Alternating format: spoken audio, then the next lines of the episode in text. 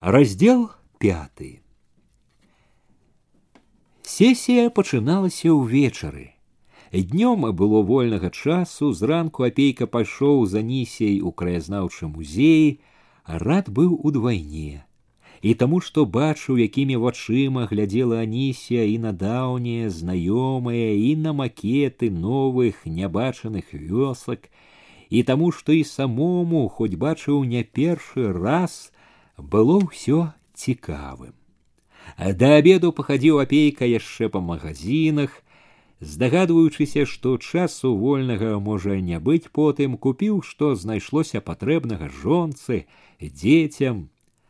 У клуб прыйшлі за гадзіну да пачатку сесіі. Ужо ў раздзявалцы трапілі ў клопатны тлум, ціснуліся, гаманілі ў чарзе світ, паліто, кажухоў, полацкі старшыня які прыліп да жанок яшчэ ў рэстаране пры абедзе цяпер удаваў бывалага чалавека памагаў жанкам здымаць паліто перадаваў гардэробшыцы даваў жанкам бляшаныя нумары потым жанкі прысталі да гуртка іншых жанчын што прычэсваліся прыбіраліся перад вялікім напаўсцяны люстрам Праўда, і Анісія і яе спадарожніца ўзіраліся не зусім упэўнена, нават з сарамлівасцю. Было падобна, глядзелі найбольш таму, што не хацелі, каб пра іх падумалі, нібы яны не ведаюць, як трэба паводзіць сябе сярод культурных людзей. Зноў жа ў чародках стаялі каля столікаў, дзе рэгістравалі дэлегатаў і гасцей, Акругі былі розныя і розныя былі столікі. Справіўшы гэты важны абавязак, нарэшце ўліліся ў чародкі, якія паволі з гулам гоманам рушылі дзвюма шырокімі стрэчнымі плынямі, чапляючыся за грубкі пры сценах, абцякаючы тых, хто стаяў пасярэдзіне. У апейкі было такое адчуванне, нібы ён усё глыбей заходзіў у ваду, нейкая сабранасць і разам радасная лёгкасць, уздымнасць, адзін мах рукі, другі і вось плыве, прастора, шырыня рачная.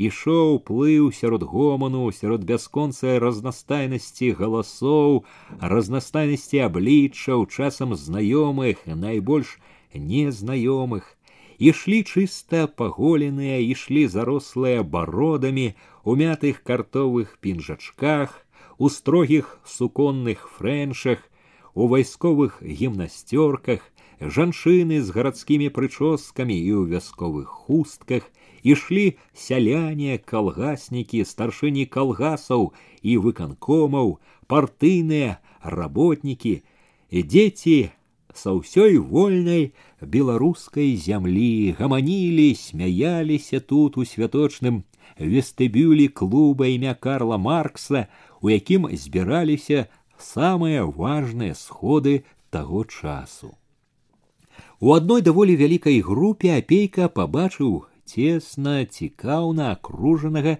чарвякова Людзі найбольше было відаць вясковыя штосьці пыталіся ў старшыні ЦВК, услухоўваліся, пераказвалі адзін аднаму. Апейка з радасцю вітаўся са знаёмымі, знаёміў са сваёй прыціхлай востра ўважлівай зямлячкай, быў у яго нейкі нават гонар за сябе. От колькі знаёмых зблізу і здалёку па ўсёй можна сказаць беларускай зямлі. Радасна было чуць, што ні адзін не адкідак які-небудзь, а працаўнік у сваёй сям'і, у якой столькі таварышаў, сяброў, якія і ведаюць і паважаюць і цэняць. У гэты ранак сярод бадзёрага жывога гоману і тлуму не было і знаку ўчарашняга настрою трывожных думак.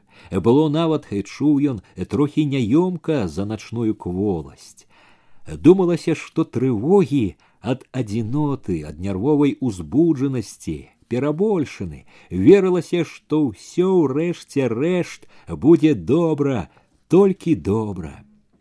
Чым больш ішлі, паўз яго жвавыя радасныя твары, чым больш апаноўваў бадзёры святочны гоман, тым ахвотней адступалі неспакойныя думкі, шырэлі, мацнелі, радасны настрой, чуццё цудоўнай, здольнай пераадолець усё на сваім шляху сілы. Было якраз як на ранішняй прыпяці сярод магутнай плыні, у якой так радасна было чуць сілу сваіх рук, у якой шырокая радасць у душы была суладнаю чысціні і шырыні рачнога прастору. Як бы Хмарка набегла на апейку тады, калі ўбачыў падцягнутага і таксама весела жвавага башлыкова, што рушыў насустрач, гамонячы, паглядваючы цвёрда на сустрэчных, з хударлявым, абветраным, незнаёмым таксама ў гімнасцёрцы. Паздароваліся, сказалі адзін аднаму некалькі звычайных стрыманых слоў, Апейка даведаўся, што башлыкоў прыехаў яшчэ учора ў ранку і жыве таксама ў той жа Еўропе. Хмарка набегла, сышла і зноў апейка плыў сярод чыстага шырокага прастору, радасны і дужы. У канцы вестыбюля ён трохі паціснуўся каля кніжнага кіёска, мімаволі з надзею шукаў вачыма белую сціплую кніжачку са знаёмым партрэтам. Не знайшоў. Няверачы попрасіў яе і пачуў адказ, што няма. І ў душы і ў голас пашкадаваў пра гэта. Гэты выпадак зноў нагнаў трывожнасць у апейку.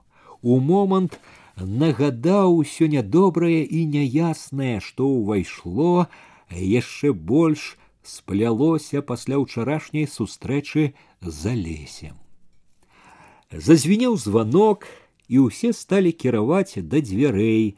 Каля іх сабраліся чародкі людзей, што весела і заклапочана даставалі з кішэнь пасведчанні. Жанчына з чырвонай павязкай на рукаве, якая стаяла каля дзвярэй, сказала, дзе месцы мазырская кругі, апейка і аніся пайшлі па зале, што шастала абуткам, рыпела крэсламі, поўнілася гулам, праз які там і тут прабіваліся поклічы.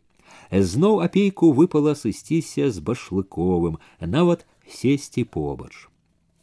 Па меры таго, як спадалі шастані крокаў, рыпення, сам сабой цішэў і гул.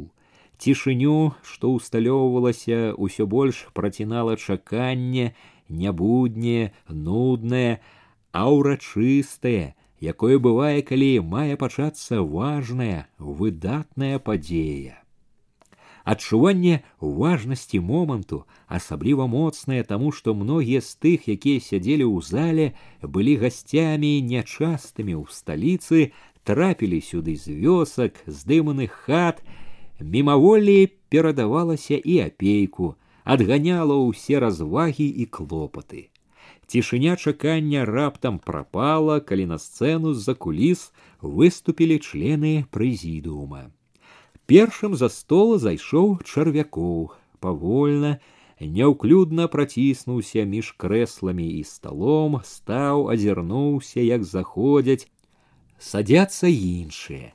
За гэтым чорныя, прыжмураныя ад святла настольнай лямпы вочы ўважліва, гаспадарліва прабеглі па зале, хапаючыся, заходзілі прыпазнелыя дэлегаты, госці, Чарвякоў перачакаў, пакуль не селі ўсе, не стала зноў ціха. Нахіліўшы галаву адно цьмяна жоўта паблісквала лысіна, зазірнуў у паперу перад сабой, раз пораз уздымаючы давольныя падсветленыя знізу лямпай вочы, загаварыў хрыплавата, але выразна і ўрачыста. Ужо дванаццаць год ідзе бязлітасная барацьба двух начал сацыялістычнага і капіталістычнага. У гэтай барацьбе савецкая Беларусь як частка савецкага саюза займае пачэснае месца. Год за годам у барацьбе за перамогу сацыялізма савецкая Беларусь дасягае ўсё новых і новых поспехаў. Ён, мабыць, адчуў, што гаворыць ціха, пакашляў, зганяючы хрыпласць, пасіліў голас. Апошні год, казаў ён асаблівы. Гэта першы год пяцігодкі.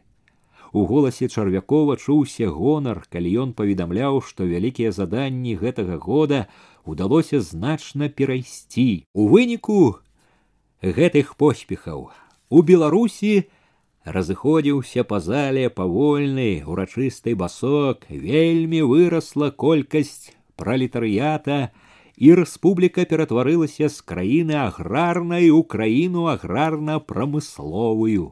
І ідзе далей па шляху яе ператварэння ў прамыслова аграрную гэты год выдатны тым ганарыўся старшыня цвк што даў надзвычайны росквіт калектывізацыі, вялікі рост культуры народа.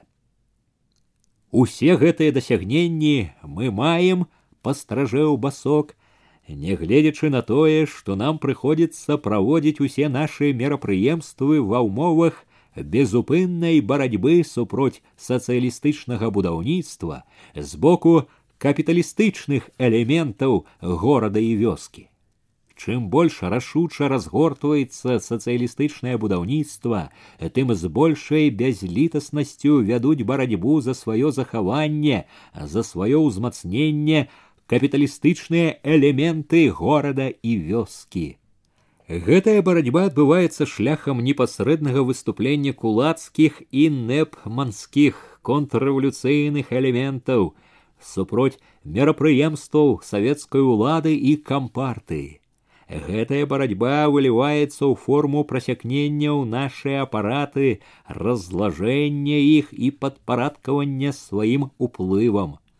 У савецкай Беларусі барацьба капіталістычных элементаў супроць сацыялістычнага будаўніцтва атрымоўвае асаблівую форму ў якасці нацыяналізму і асабліва ў якасці праўлення беларускага нацыянал-дэмакратызму вельмі часта здараецца так, што камуністы падпадаюць пад уплывы нацыянал-дэмакратычных элементаў і ператвараюцца ў рупар, праз які нацыянал-дэмакратычныя элементы праводзяць свае ўплывы. Апейку пры апошніх словах мімаволі прыгадалася, што на адным са сходаў чарвякова самога хтосьці вінаваціў у патуранні нацдэмам, такім як гартны, у нібы нацдэмаўскім тлумачэнні некаторых з'яў мінулага. Іван Анісімавіч у цвёрдым тоне чарвякоўскіх слоў пачуў заяву, што ніякіх ваганняў у адносінах да гэтай поскудзі ён не дапусціць. Цяпер чарвякоў быў нібы не падобны на таго далікатнага паблажлівага дзядзьку, якім апейка бачыў яго учора у вестыбюлі гасцініцы за сталом у рэстаране. У прысадзістай амаль нерухомай постаці, у строгім выразе твару, у тоне голасу чуліся цвёрдасць, непахіснасць. Тое, што учора яшчэ здавалася нам недасяжным планам, прорывалася да апейкі праз трывожныя думкі пра алеся, сёння становіцца рэчаіснасцю. Э, тое, што учора яшчэ здавалася нам максімумам, сёння становіцца мінімумам. Вось гэты тэмп няспыннага руху ўперад патрабуе таго, каб кожны з нас умеў пераключыцца каб паспяваць за гэтымі тэмпамі. Словы чарвякова быццам проста ішлі на апейку, быццам скіраваны былі на яго. Іван Анісімавіч адарваўся ад думак пра алеся, стаў з новай турботнасцю востра лавіць тое, што казаў чарвякоў. Няўменне пераключыцца на новыя тэмпы сацыялістычнага будаўніцтва ёсць прычына таго, што жыццё, адкідае тых, якія не могуць ісці нага ў нагу, якія не маюць у сабе сіл і здольнасцей для таго, каб стаяць на чале гэтых моцных тэмпаў. Але на змену тым, хто траціць сілы ў працэсе будаўніцтва, хто баіцца гэтых новых тэмпаў, працоўныя масы горада і вёскі вылучаюць усё новыя пласты будаўнікоў, усё новыя і новыя пласты кіраўнікоў. Апейку здалося, што башлыкоў давольны, як бы павучаючы паглядзеў на яго, але апейка не варухнуўся к яму, нібы не заўважыў нічога. Скончыўшы ўступную прамову чарвякоў выцер хустачкай твар, лысіну, яшчэ ўзрушаны гаворкай, пашукаў вачыма паперку на стале, пацішэлым, амаль будзённым голасам аб'явіў, што трэба вызначыць парадак сесіі. Парадак быў вялікі, 11 пытанняў, 10 дакладаў і адзін садаклад. Апейка адразу вылучыў сярод іх два даклад старшыні савета народных камісараў галадзеда і даклад наркома земляробства рачыцкага аб калектывізацыі. Чарвякоў даў першае слово старшыні саўнаркома, хударлявы з рэзкімі валявымі рысамі галадзец сядзеў збоку стола блізка да трыбуны, ён энергічна ўстаў, под воплески залы ступіў к трыбуне лёгкаю і прухкаю хадою вайсковага. У яго і пастава была прамая, вайсковая, і ў тым, як ён стаяў за трыбунаю, адчуваліся годнасць, упэўненасць у сабе, у тым, што яму належыць зрабіць. Ён пачаў з таго ж, з чаго пачынаў і чарвякоў, з адзначэння мінулага года. Гэты 1928-29 год з'явіўся адрывіста энергічна загаварыў ён пераломным у развіцці народнай гаспадаркі як ссср так і беларусі ён гэты год выдатны тым, што ўпершыню ўдалося так глыбока захапіць і ўзняць шырокія масы рабочага класа і бядняцка серадняцкага сялянства на выкананне пяцігодкі. Першы год пяцігодкі выкананы з вялікім поспехам. Паведамляючы гэта галадзет асабліва вылучыў тую акалічнасць, што такая важная перамога дасягнута ва ўмовах абвастрэння жорсткай класавай барацьбы, асабліва на вёсцы. Упэўненым дзелавітым голасам галадзет расказваў зале, што глядзела на яго, уважліва слухала з прыціхлых радоў партэра і балкона, якіх поспехаў дабіліся за першы год пяцігодкі прамысловасць і сельская гаспадарка Беларусі, называў лічбы проценты. Гэтыя лічбы ўзмацнялі ў апейку адчуванне ўздымнасці і гонару. Ён браў іх з радасцю, яны былі суладныя таму, чаго яму заўсёды хацелася, добрай хады ў справе ў вялікай дарозе, тут сярод агульнай святочнасці асабліва цешыла, ішлі добра. Пра гэта казалі багата лічбаў і якіх лічбаў як асаблівае дасягненне галадзет вылучыў узмацненне зернавой базы. Гэтае дасягненне асабліва важнае тым, растлумачыў ён, што вырашэнне зернавой праблемы ідзе па лініі разгортвання аграмаджанага сектара сельскай гаспадаркі. Гэта дало магчымасць запраектаваць больш павышаны хлебанарыхтоўчы план, і выканаць дагэтуль больш чым на 90 процентаў. Акрамя таго гэта дало магчымасць прыступіць да арганізацыі хлебнага рэзервовага фонду. Э, тут у радасны настрой апейкі няпрошана ўнізалася насцярожлівая. Легкаватай здалося паказана была задача. Павышаны хлебанарыхтоўчы план і яго выкананне і арганізацыя рэзервовага фонду. Характэрным і важнейшым фактарам, гаварыў галадзет, з'яўляецца тое, што мы мелі рост калгасаў гігантаў і што мы гэты рост мелі не на былых маёнтках і дзяржаўных землях, а мы мелі рост на сялянскіх землях. Гэта значыць, мелі зруйнаванне межаў. І на гэтых межах выраслі і вырастаюць калгасы і гіганты ў дзесяткі тысяч гектараў. Ледзь галадзет нагадаў калгасы і гіганты, апейка ўспомніў, што думаў пра гэта, калі чытаў год вялікага пералому Сталіна. Зноў вярнулася тое дваістае, супярэчлівае і захапленне смелым размахам і недаверлівая абачлівасць ці не журавель у небе гэта найбольш сур'ёзным фактарам у развіцці сельскай гаспадаркі тлумачыў галадзец з'яўляецца тое што ў наступным годзе мы будем мець магчымасць атрымаць не менш 50 процентаў таварнага хлеба ад аграмаджанага сектара сельскай гаспадаркі. Калі нам прыходзілася часта праз меру траціць энергію на загатоўку хлеба ў індывідуальных гаспадарках, то ў гэтым годзе мы будем мець 50 процентаў таварнага хлеба з нашага абагуленага сектара. У святочную бесклапотнасць апейкі зноў уплялося, ці не занадта смела заяўляць, колькі будзе таварнага хлеба ад гаспадарак, які яшчэ трэба аграмадзіць і наладзіць. Праўда, тут жа стрымаў сябе. У галадзеда не інакш ёсць падставы для такога. Ён больш ведае.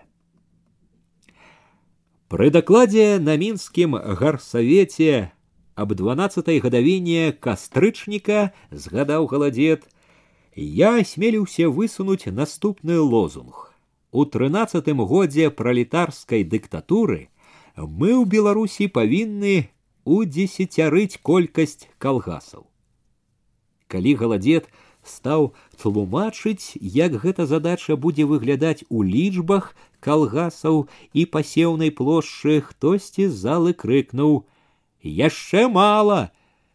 Па зале пайшоў шумок рады заварушыліся.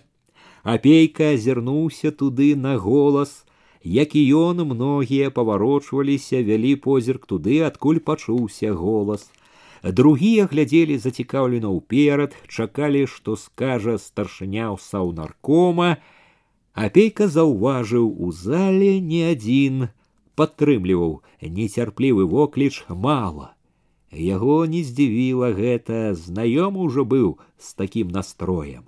Ды і хоць сам быў іншай думкі, разумеў іх. Мне могуць сказаць, што гэта фантастыка. Галадзет нібы не чуў воклішу і хвалявання ў зале, развінаў сваю думку.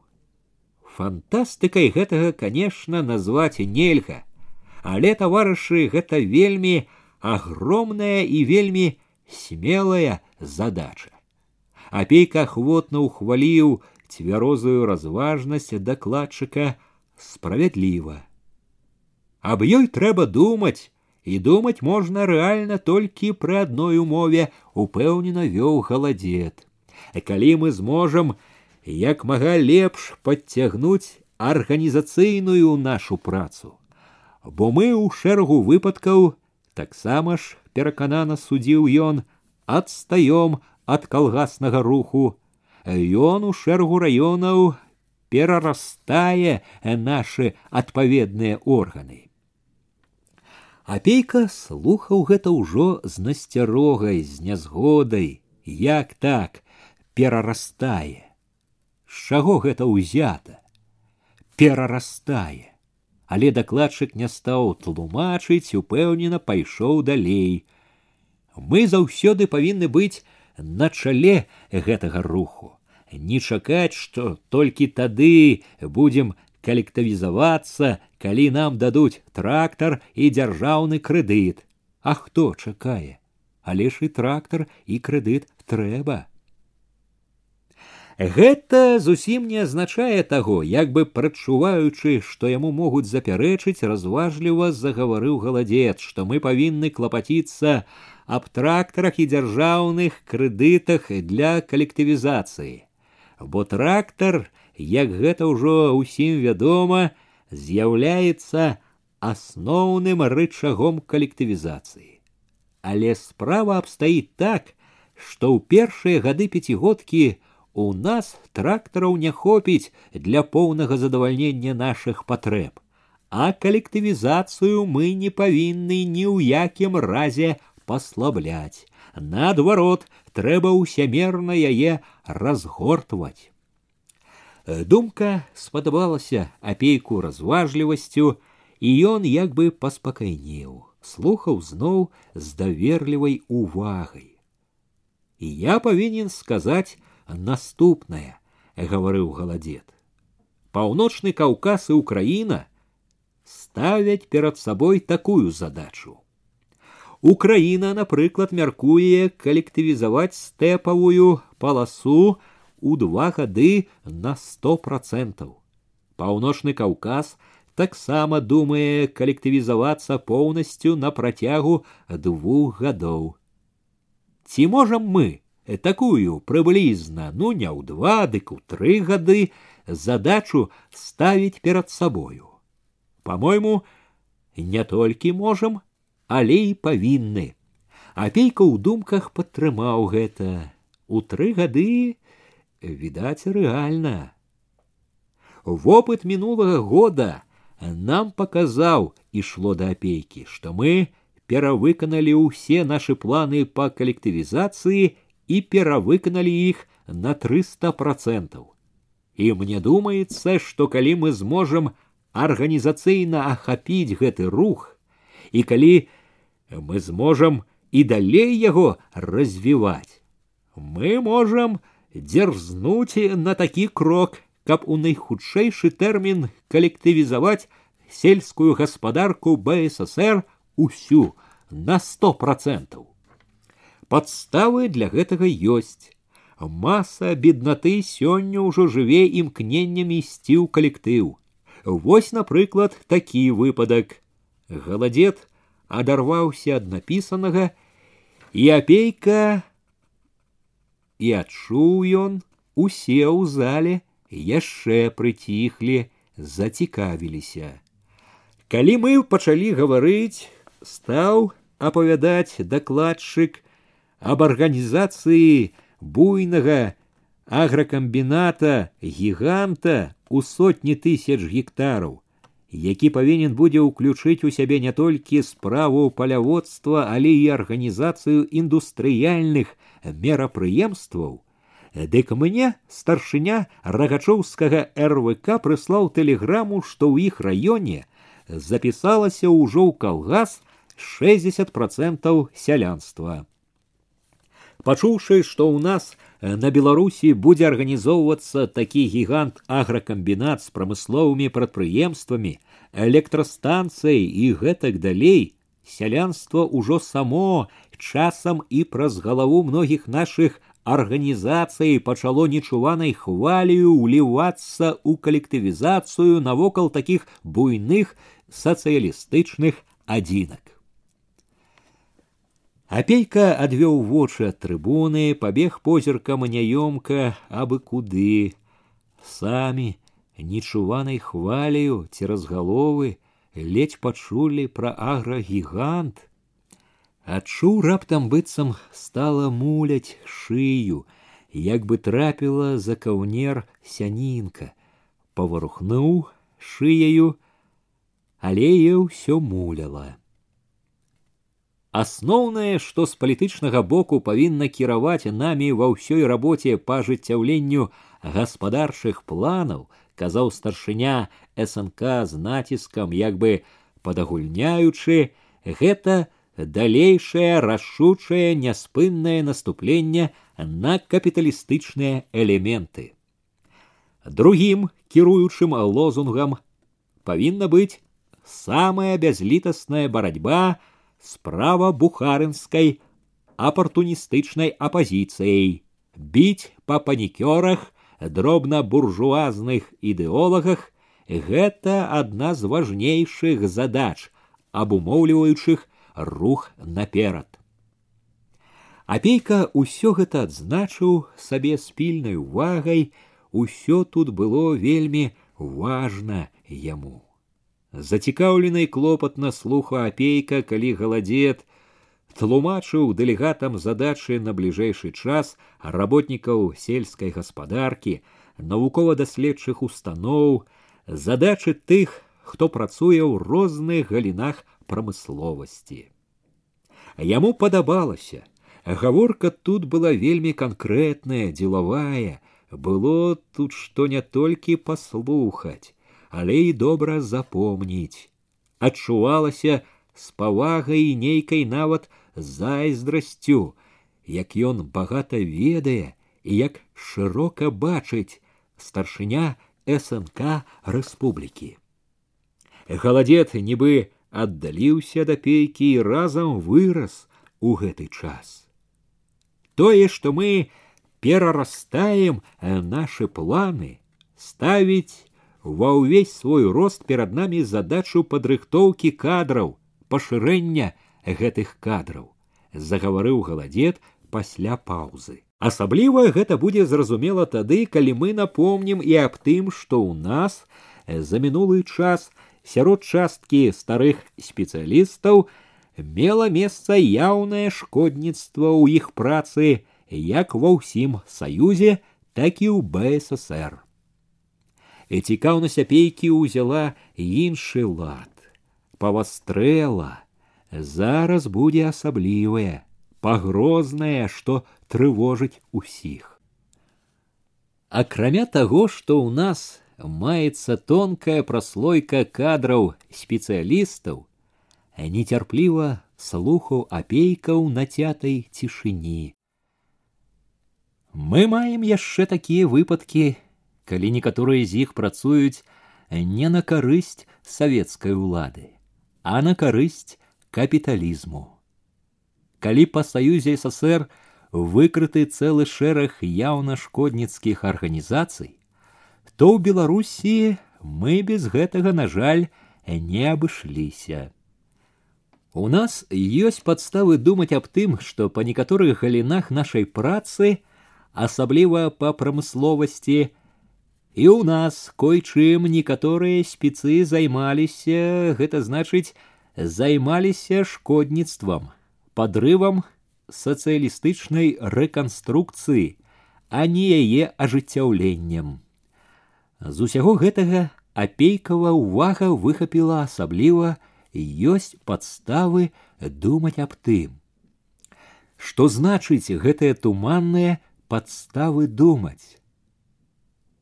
Факты ёсць, прайшло ў ім без адказу, але няпэўная кой-чым некаторыя спецы засела ў памяці трывожна, як кожны намёк, за якім самы шырокі прастор для здагадак.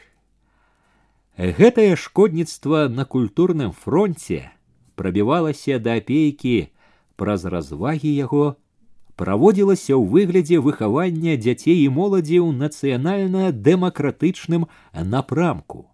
Шэраг культурных людзей давалі нам такую прадукцыю і зусім свядома яе давалі, на якой не можа выхавацца савецкі грамадзянин.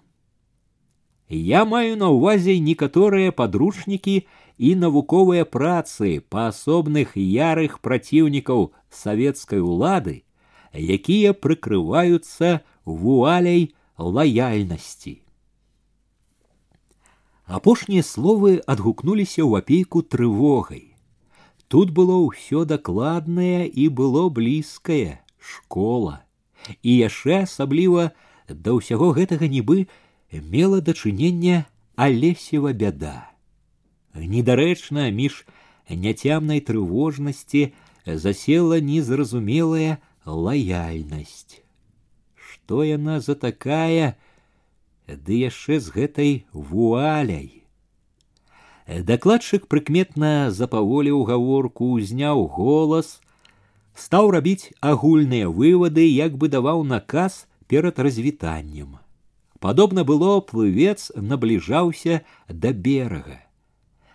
Кіруючыся імкненнямі аб хутчэйшых тэмпах нашага будаўніцтва з аднаго боку і фактычным становішчам выканання нашага плана ў першым годзе пяцігодкі з другога боку, галадзец загаварыў урачыста і значна, нібы вылучаючы гэта як самае важнае ў дакладзе, Савет народных камісараў БССР у жніўні месяцы, зацвярджаючы кантрольныя лічбы, вынес пастанову перагледзець пяцігодку ў бок яе павелічэння па важнейшых галінах народнай гаспадаркі і культуры. Я буду прасіць, каб сесія ЦВК зацвердзіла гэтую пастанову і дала дырэктыву, каб нашы гаспадарчыя органы сапраўды гэта зрабілі. Матэрыялы гавораць аб ажыццяўленні такога лозунга выканаць пяцігодку ў БССР у тры-чатыры гады. Гэты лозунг з'яўляецца баявым лозунгам сённяшняга дня. На гэтым дазвольце скончыць мой даклад. Ён згарнуў папку з паперамі і той жа цвёрдай упэўненай хадою пайшоў ад трыбуны к сталу.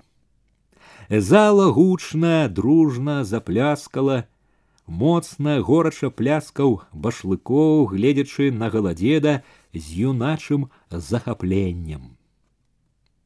Пляскаў і апейка цвёрда, нехапатліва, глядзеў то на галадзеда, то на іншых у прэзідууме і біў у далоні. Апладзіраваў баявой задачы таму, што яна, калі здзейсніцца, павінна была прынесці зямлі і людзям. Апладзіраваў дакладчыку, які нямала адкрыў яго вачам. Поўны тым, што пачуў, быў задуменны, час ад часу мімаволі прытрымліваў далоні ў далонях, раз-пораз збіраў клопатны зморшчык між броў, як бы хацеў штосьці яшчэ даўмець. Калі воплескі сціхлі, чарвякоў падняўся і аб'явіў, што на гэтым вячэрняе пасяджэнне заканчваецца і што спрэчкі пачнуцца заўтра з дзесяці гадзін раніцы. У той вечар апейка вячэраў з башлыковым. За вячэрай башлыкоў доўга і шчыра хваліў даклад галадзеда. Апейка толькі сказаў згодна даклад багаты, не было ахвоты гаварыць асабліва. Але пасля вячэры у пакоі на адзіноце зноў стаў згадваць пачутае ў зале. Як і раней многае захапляла асабліва тое, які шырокі малюнак паўставаў з даклада. Уся краіна была нібы перад вачыма. Захаплялі маштабы планаў, смеласць праектаў, сцінала дыханне, калі думаў пра агракамбінаты і гіганты на месцы саламяных вёсак. Нельга было думаць спакойна пра тое, якія могуць быць знаёмыя мокуці, курані праз нейкі дзесятак гадоў малявалася проста штосьці казачнае, але разам у думкі лезла і іншае. Калгасны рух перарастае нашы адпаведныя органы. Сяляне часта цераз галаву нашых арганізацый нечуванай хвалію ўліваюцца ў калгасы. Варта было даведацца пра агракамбінат, як сяляне самі пачалі валіць у калгасы. Чым больш разбіраў чутае, тым больш брала нездавальнення, небагата было дзелавітасці ў дакладзе. І глыбіні сур'ёзнасці пры разборы становішча не шкодзіла б большай і складанасць становішча, складанасць задачы, можна было б грунтоўней паказаць, асабліва там, дзе гаворка была пра калектывізацыю. і можа не варта было таким лёгкім падаваць павышаны хлебанарыхтоўчы план калгасам які яшчэ толькі становяцца на ногі і сілу якіх так лёгка падарваць чаму маляваць было ўсё ў такім бадзёра павярхоўным фактычна непраўдзівым святле нічога таксама не трапячыся лішне усё яшчэ наперадзе супакоіў ён сябе стараючыся заснуць не дадумаў што яно гэтае ўсё ці жыццё наогул ці сесія якая толькі пачыналася устаў рана хутка сабраўся пазваў анісю разам паснедалі ў людным але па-ранішняму ціхім рэстаране выйшлі ў марозны ранак пахадзілі крыху па-ранішнім мінску потым у вестыбюлі седзячы ў зале якая поўнілася людзьмі і гоманам разгарнуў газету на кожным месцы бялелі аркушы газет пабег вачыма чым жыве краіна свет ліквідуем непісьменнасць заняткі не распачаліся своечасова няма падручнікаў План самаабкладання выканан толькі наполовіну, знішчаюць жывёлу у магілёўскай вобласці. Выканаем дадатковыя планы па хлебазагатоўках да першага снежня, націснем на кулака заможніка. Увага ўчапілася ў паведамленне выкрыта органамі ДПУ і ліквідавана контррэвалюцыйная арганізацыя. Саюз вызвалення Украіны, падтрымлівала сувязь з пятлюраўскім цэнтрам у Польшчы. На чале нібы мірны вучоны прафесор, савецкая ўлада даверыла яму пачэсную пасаду, а ён аддзячыў. Гэта быў нягрозны і голы артыкул, стрыманае, дакладнае паведамленне біла здавалася кожным словам, вораг не спіць, віжуе, подбираецца. Набегла трывожнае.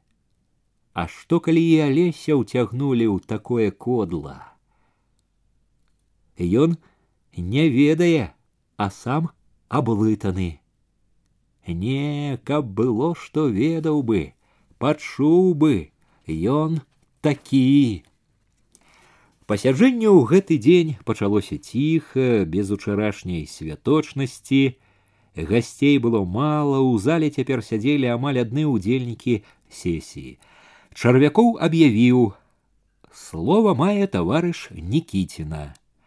Па праходу пайшла, неякавеючы, пад агульнай увагай залы, не варушачы рукамі дробная жанчына ў ботах, жакеце, доўгай спадніцы, на трыбуне яна момант разгублена маўчала, адно бегалі спалоханыя вочы, як бы першы раз пабачыўшы такое мноства твараў. Цішыня станавілася крытычнаю, калі яна адолела кволасць, адважна, голасна загаварыла пра то, як багата ўжо зроблена у справе залучэння нашых жанчын у савецкае будаўніцтва. По докладу таварыша галадзеда перадыхнула я на момант, кінулася наперад. Я скажу некалькі слоў. Таварыш галадзед, кажучы аб нарыхтоўках, казаў, што нарыхтоўку пально семю вы выканалі добра. Але мы не ўсё наша льно семя ўзялі. Зноў была хвіліна маўчання. Цяпер аб калектывізацыі таварыш дакладчык казаў, што мы ўжо меркаванні па пяцігадоваму плану, намечаныя на першы год перашагнулі, але не адзначыў, што гэта не ва ўсіх акругах. Калі я закрану віцебскую акругу, то там па калектывізацыі не пачаты край работы. Там мала актыву, мала кінута культурных сіл, як аграномаў і гэтак далей. Тры раённыя аграномы ёсць, але і тыя слабыя. Вось у гэтым самае галоўнае, што ў нас мала работнікаў, трэба кінуць усе сілы у адсталыя раёны. Заружавелая яна з палёгкай радасцю, як чалавек, што выканаў свой няпросты абавязак, хутка сышла ў залу. З гэтага часу апейка толькі назіраў, слухаў, зрэдку для памяці тое сёе записываючы ў блакнот. Таварыш галадзет указаў у сваім дакладзе, што ён як быццам сумняваўся, што план па калектывізацыі, які намечан, будзе можа не выканан. Барытоны дужага з абветраным тварам з кароткай шеі чалавека старшыні калгаса з бабруйшчыны гучаў цвёрда упарта. Я таварышы запэўняю, што пры такім тэмпе і пры такіх настроях сялянства, якія мы маем у цяперашні момант, мы не толькі можам выканаць, але і перавыканаць і сумнявацца тут няма чаго. Але ў гэтай працы мы часта сутыкаемся з нашымі класавымі ворагамі. І нам тут трэба абмеркаваць, якія мерапрыемствы трэба ўжыць да гэтых кулацкіх элементаў. Бо тыя законы і тыя кодексы, якія існавалі да гэтай пары з'яўляюцца недастатковыя нам трэба на іх так нажаць, чтоб у іх кроў з вачэй палілася. Трэба даваць кулакам зямлі не максімальную норму, а мінімальную. Даваць ім в участкі з сыпучымі пяскамі, няхай там папрацуюць.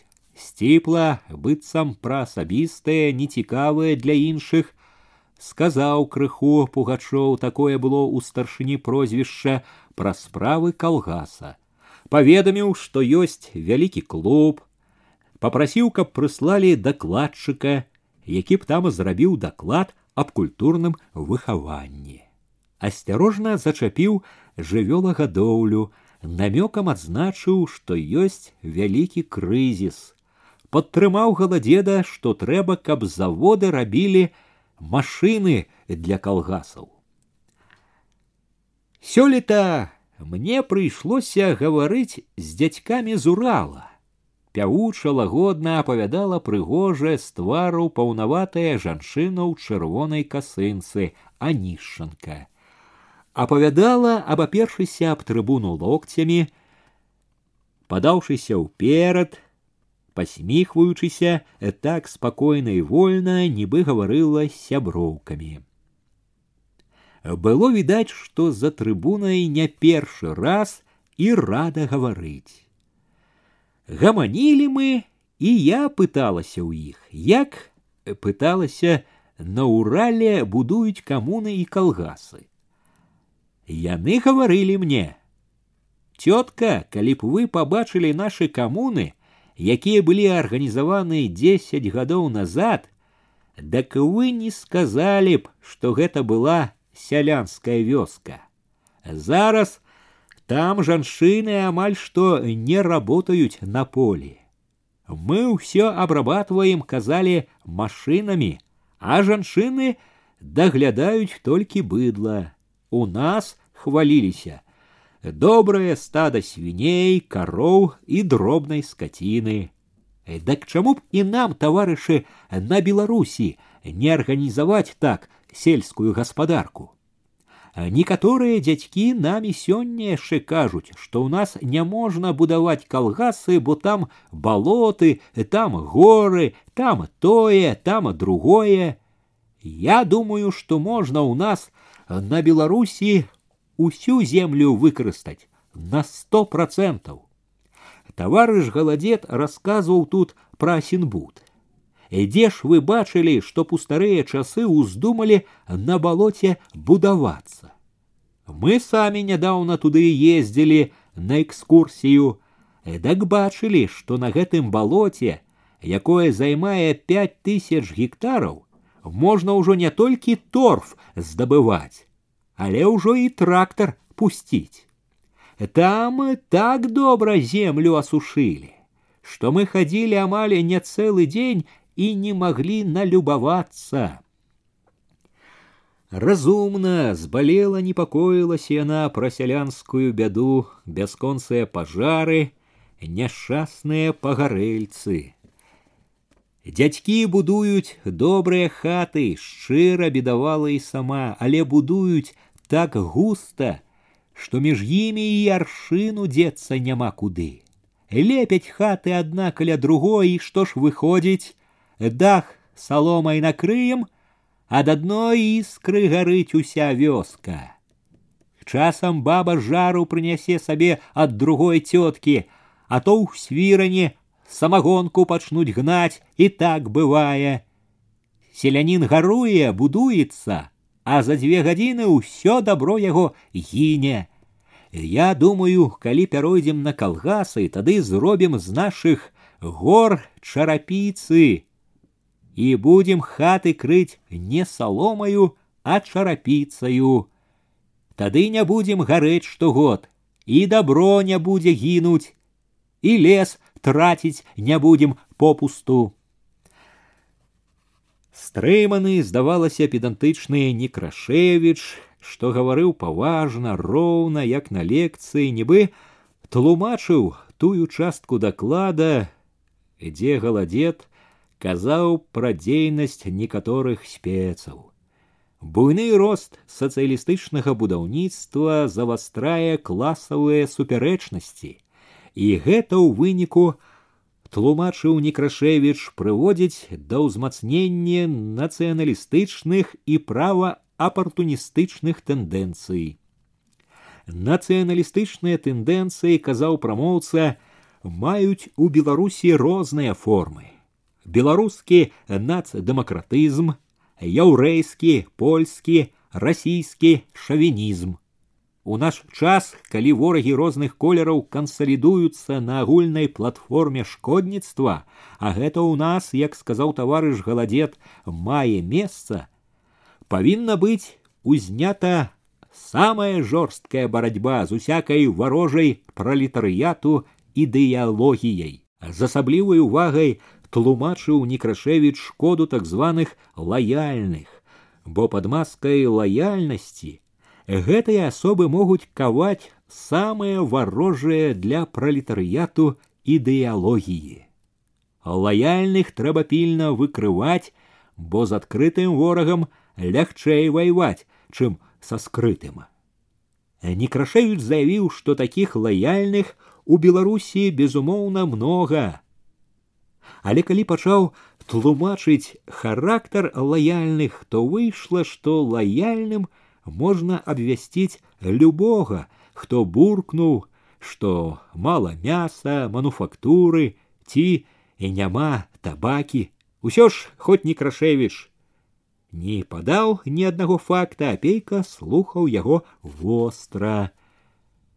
І тое, што ён даведаўся з паведамлення пра выкрыццё саюза вызвалення ўкраіны быццам падмацоўвала некрашевічавыя тлумачэнні прыдавала ім грознага сэнсу а тым больш што пад канец некрашевіч багата гаварыў пра такую лаяльнасць як нацдэмакратызм пры згадках пра які апейку заўсёды прыходзілі трывожныя думкі пра алесяў лёс Адзін за адным да трыбуны ішлі людзі з розных раёнаў і акруг, яны нібы далучалі яго да тых палёў, краёў, якіх ён і не бачыў, але якія бачыць яму вельмі хацелася.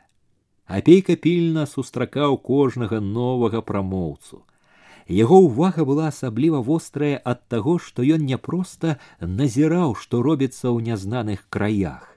Ён шукаў, ён хацеў ведаць, што робіцца ў другіх, каб лепш зразумець сваё тое, над чым столькі думалася і што яшчэ не ва ўсім было добра высветленае. Амаль з кожным прамоўцам шырылася шматгалоссе вялікага жыцця.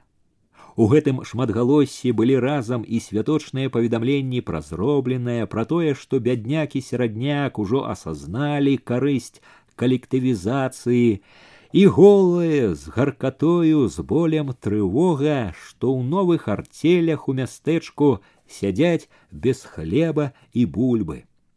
Што батракі не атрымліваюць норму хлеба, за клопатам, што слаба ідзе змаганне з цемраю, асабліва сярод жанчын, увайшоў у залу клопат пра тое, што цяжка распаўсюджваць трэцюю пазыку індустрыялізацыі. Селянін гаворыць: мы ўсё даём даём, а ў нас нічога няма. Не бачыць, бяда таго, што робіцца за вёскай а работница з мазыра чарнявая з тонкай доўгай шыяю ў гімнасцёрцы спачатку няёмка збіваючыся потым смялей шчыра падзялілася з крухаю трэба многа старанна працаваць а работніцы не могуць бо няма сілы і калі б э, нам далі магчымасць даставаць прадукты па таннай цане Малады з рашучым хударлявым тварам, усё точанае рэзкае з рашучым нелагодным голасам старшыня райвыканкома паставіў рубам пытанне чаму дасюль не спыняецца знішэнне жывёлы пра якое многія гаварылі яшчэ два тры гады назад сам дзелавіта дакладна выкрывае прычыны першае дасюль не вырашана пытанне пра кармы, жмыхі, караняплоды гэтак далей. Было багата размоў.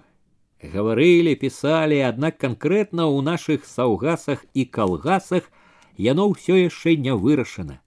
Другая прычына гэта тое, што зараз пры аб'яднанні ў калектывы некаторыя сераднякі стараюцца збыць жывёлу, хочуць ліквідаваць сваю маёмасць атрымаць грошы і гэтымі грашыма ўнесці пай. Нелагодным заклапочаным голасам не параіў, патрабаваў, трэба паставіць справу эканамічна, палітычна, тэхнічна, так, каб жывёла ў нашай краіне не памяншалася ні ў якім разе. У прамове гарачага баявога хамдогі з аршанская кругі апейка ўвагу зачапіла вестка, што жыхары аднаго раёна прынялі пастанову пра арганізацыю адзінай раённай камуны. Думаючы, якая гэта будзе камуна, апейка чуў, як хандогі на поўны голас заяўляў, што яны ў акрузе не могуць абслужыць гэты шпаркі рух калектывізацыі агранамічнымі сіламі і не маюць адкуль іх узяць. Перад намі стаіць другое пытанне, па якім мы пакуль не маем ясных указанняў з боку НКЗ рыну хандогі далей без перадыху. Куды дзяваць наша кулацтва? Мы ведаем адно, што кулацтва нельга пускаць у калгасы і мы яго не пускаем. Але з другога боку, як я ўжо сказаў, амаль што цэлы раён калектывізуецца. Галадзед, павярнуўшы галаву да трыбуны, упэўнена перабіў яго параіў на балота высяляць. У нас і балот свабодных няма адразу з запалам адказаў хандогі, пазіраючы ўсё ў залу. Галадзед прамаўчаў, нахіліўся над сталом, стаў нешта пісаць. Значыць, нам трэба высяляць кулакоў.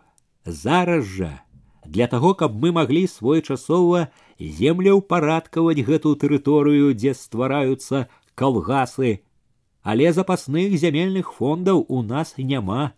І ў той жа час пакідаць кулака сярод той тэрыторыі, дзе арганізуецца калгас, не мэтазгодна. Высялять кулакоў на паасобныя пасёлкі гэта значыць аб'ектыўна з неарганізаваных кулакоў насаджваць арганізаваныя контррэвалюцыйныя арганізацыі. Мы не можам на гэта пайсці. Э, так што ў такім важным пытанні мы павінны мець ясныя ўказанні. Калі чарвякоў аб'явіў, што слова мае таварыш карась, Аніся першы момант не поверыла, што гэта ёй. Недаверліва зірнула на апейку, і толькі калі ён вачыма паказаў у бок прэзідума, трэба ісці, захапалася папраўляць жакетик. Важкавата ўзнялася, працісквалася к праходу нясмела, збянтэжана, але між радоў пайшла ўжо здавалася цвёрда упэўнена калі яна стала за трыбуну э, то яе мала было і відаць апейка нібы упершыню бачыў якая яна дробная нявідная яна здалося доўга маўчала не ведала з чаго пачаць не магла супакоіцца падрыхтаваную паперку не даставала згубіла ці забылася пра яе апейка не зводзіў вор з яе хваляваўся сам хацеў падбадзёрыць памагчы яна шукаючы пабегла вачыма па зале знайшла яго ён падбадзёрліва кіўнуў ёй смялей трэба яна адарвала позірк і пачала без паперкі Цяпер от таварышы рабочыя кажуць, што ў іх няма жыроў, няма добрых кватэр і польтаў не хапае, то таго няма, то етаго не хапае. І это ўсё ад таго, што наша сельская гаспадарка слабая. От першая наша задача, чтоб падняць сельскую гаспадарку зрабіць калектывізацыю. Яна гаварыла мякка, раздумлівая, нібы разважала ў голас. Трэба, чтоб рабочыя звярнулі ўвагу на сяло, на калектывізацыю, подумала яна ў голас, разважліва стала развіваць думку. Бо калі мы пастроім сталоўкі, як тут казалі, а там не будзе мяса і хлеба, то сталоўка будзе стаяць і ў ёй не будзе чаго абедаць. Калі мы пастроім добрыя дамы ў горадзе, там таксама трэба будзе, чтоб было, што есці. І от я думаю, што мы павінны асабліва падумаць, чтоб падняць сельскую гаспадарку.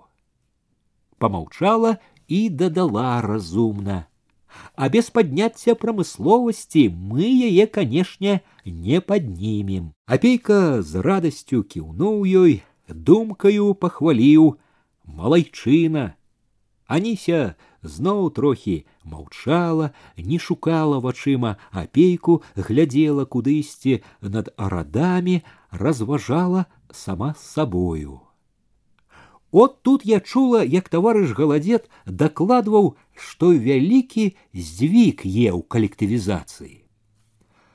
У голасе яе паявілася, заўважыў апейка нешта новае, нямяккае. Праўда, багато арганізавалася калектываў. Я бачыла, што таварыш галадзет етаму рады, а также і ўсё кіраўніцтва. Але справа не толькі ў колькасці, усё цвярдзеў яе голас, але і ў якасці калектываў. Яна не тое, што параіла, наказала. Не трэба спяшыць, чтоб нарабіць іх вялікую колькасць. Апейка чуў, што зала ўся прыціхла. Галадзет у цішыні спакойна, цвёрда заявіў: « Не, гэта не так. А яна, гледзячы ўсё ў залу упэўнена, упарта павяла сваё. Трэба, чтоб яны былі добрыя, чтоб людзі не разбягаліся з калектыву. Па зале прайшло хваляванне.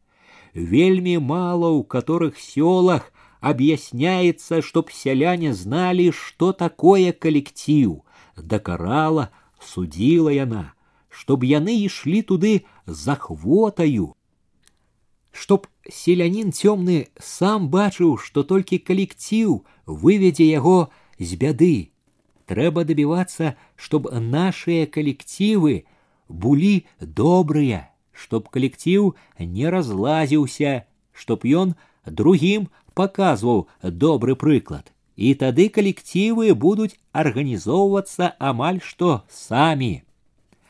Галадзед штосьці дзелавіта записываў, Анися неспокойно перевязала в узелок хустки, поправила жакетик. Я хочу сказать ще про ветеринаров. Амале тым жа тонам загаварыла яна. Папярэдні чалавек казаў пра ета і вельмі правільна. Калі ў нас няма ветеринараў, то скаціна можа і захварэць і падохнуць а по-другое мы сами можем захварэць ад скаціны. Папярэдні чалавек казаў, што багато кароў хварэе сухотамі. Я сама магу сказаць, што ў нашым саўгасе каровы захварэлі сухотамі, дакіх узялі на лячэнне, А хто знае, што ў сялян каровы не сухотныя. А цераз малако хвароба можа перадацца ўсім. І трэба яшчэ паглядзець, на сялянак, бо ўсе прадукты ідуць цераз руки жанок. Наша сялянка цёмная, яна яшчэ мало знае, як культурна карову падаіць і як свінню выкарміць. Куды яе можна і куды не можна пушчаць. Этаму свіння ў сяле есть тое, што не трэба, і ў ёй заводзіцца трыхіна, и это все иде рабочим. И рабочий не зная, что есть сало с трыхінаю. Трэба, каб сялянка была грамотной и культурною. И вот яшчэ хочу сказать свою думку про тое, что у нас няма навучання па сельскай гаспадарцы. У нас е пачатковая школа, потом сямігодкі і розныя тэхнікумы, а такой асаблівай навукі па сельскай гаспадарцы для тых, хто робіць няма. І от трэба было б адчыніць такія школы, чтоб і сяляне і калхознікі вучыліся, бо раней яны вучыцца не маглі, а вучыцца трэба і нам. Яна сышла расчырванелая, уся яшчэ поўнае хваляванне, ужо за яе спіной устаў чарвякоў, аб'явіў, што ранішняе пасяджэнне канчаецца. Апейка стаў чакаць анісі ў праходзе, яна памкнулася да яго ўзрадаваная. Ой, мабуць, нагаварыла я, зіркнула Аніся на яго ледзь пайшлі. Апейка супакоіў. У цэлым добра нагаварыла толкова. Як побачила, сколькі глядзіць народу, дак сэрца бы зайшлося, забула ўсё. У вачах былі і перажыты страх і радасць. Не помню, як і пачала, а потом якось смялей стало. Да таго, што нават са старшынёй СНК ў спрэчку ўступіла, а е, я хіба хацела, у вестыбюлі іх чакаў башлыкоў, Аніся і яму павінавацілася, ой, мабыць, нагаварыла, башлыкоў адвёў вочы. Асобныя думкі былі правільныя, але тое, што вы па сутнасці выказаліся супраць нашых тэмпаў, вядома, падтрымаць нельга. Ну вот, я казала, слухаючы вас, Можна было падумаць, башлыкоў зірнуў на апейку, нібы чакаў згоды, што ў нас няма растлумачальнай работы, што мы не турбуемся пра якасць калгасаў. Я казала, не трэба было мне паручаць. Адна рэч, нібы не чуў башлыкоў выступленне дома сярод сваіх, дзе ўсім вядома сапраўднае становішча, а другая на сессіі, дзе ты ўжо выступаеш ад імя раёна перад рэспублікай. Маленькая розніца. У прынцыпе трэба было гаварыць тое, што падрыхтавана было, абмеркавана. По-мойму, яна і так сказала толкова, заступіўся за Анісю апейка. Аніся шчыра прызналася башлыкову: Я як выйшла, усё забыла, усё пайшло іначай. Башлыкоў прамаўчаў ёй, уважліва ўгледзеўся ў апейку. Тут, відаць, Іван Анісімович даў накірунак. Пранікліва прамовіў ён. Вельмі знаёмыя некаторыя ўстаноўкі.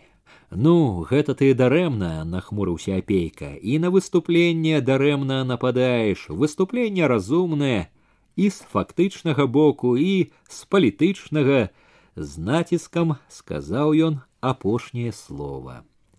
За обеденным столом Анися то знарок смяялася, то шчыра трывожылася, нагаварыла.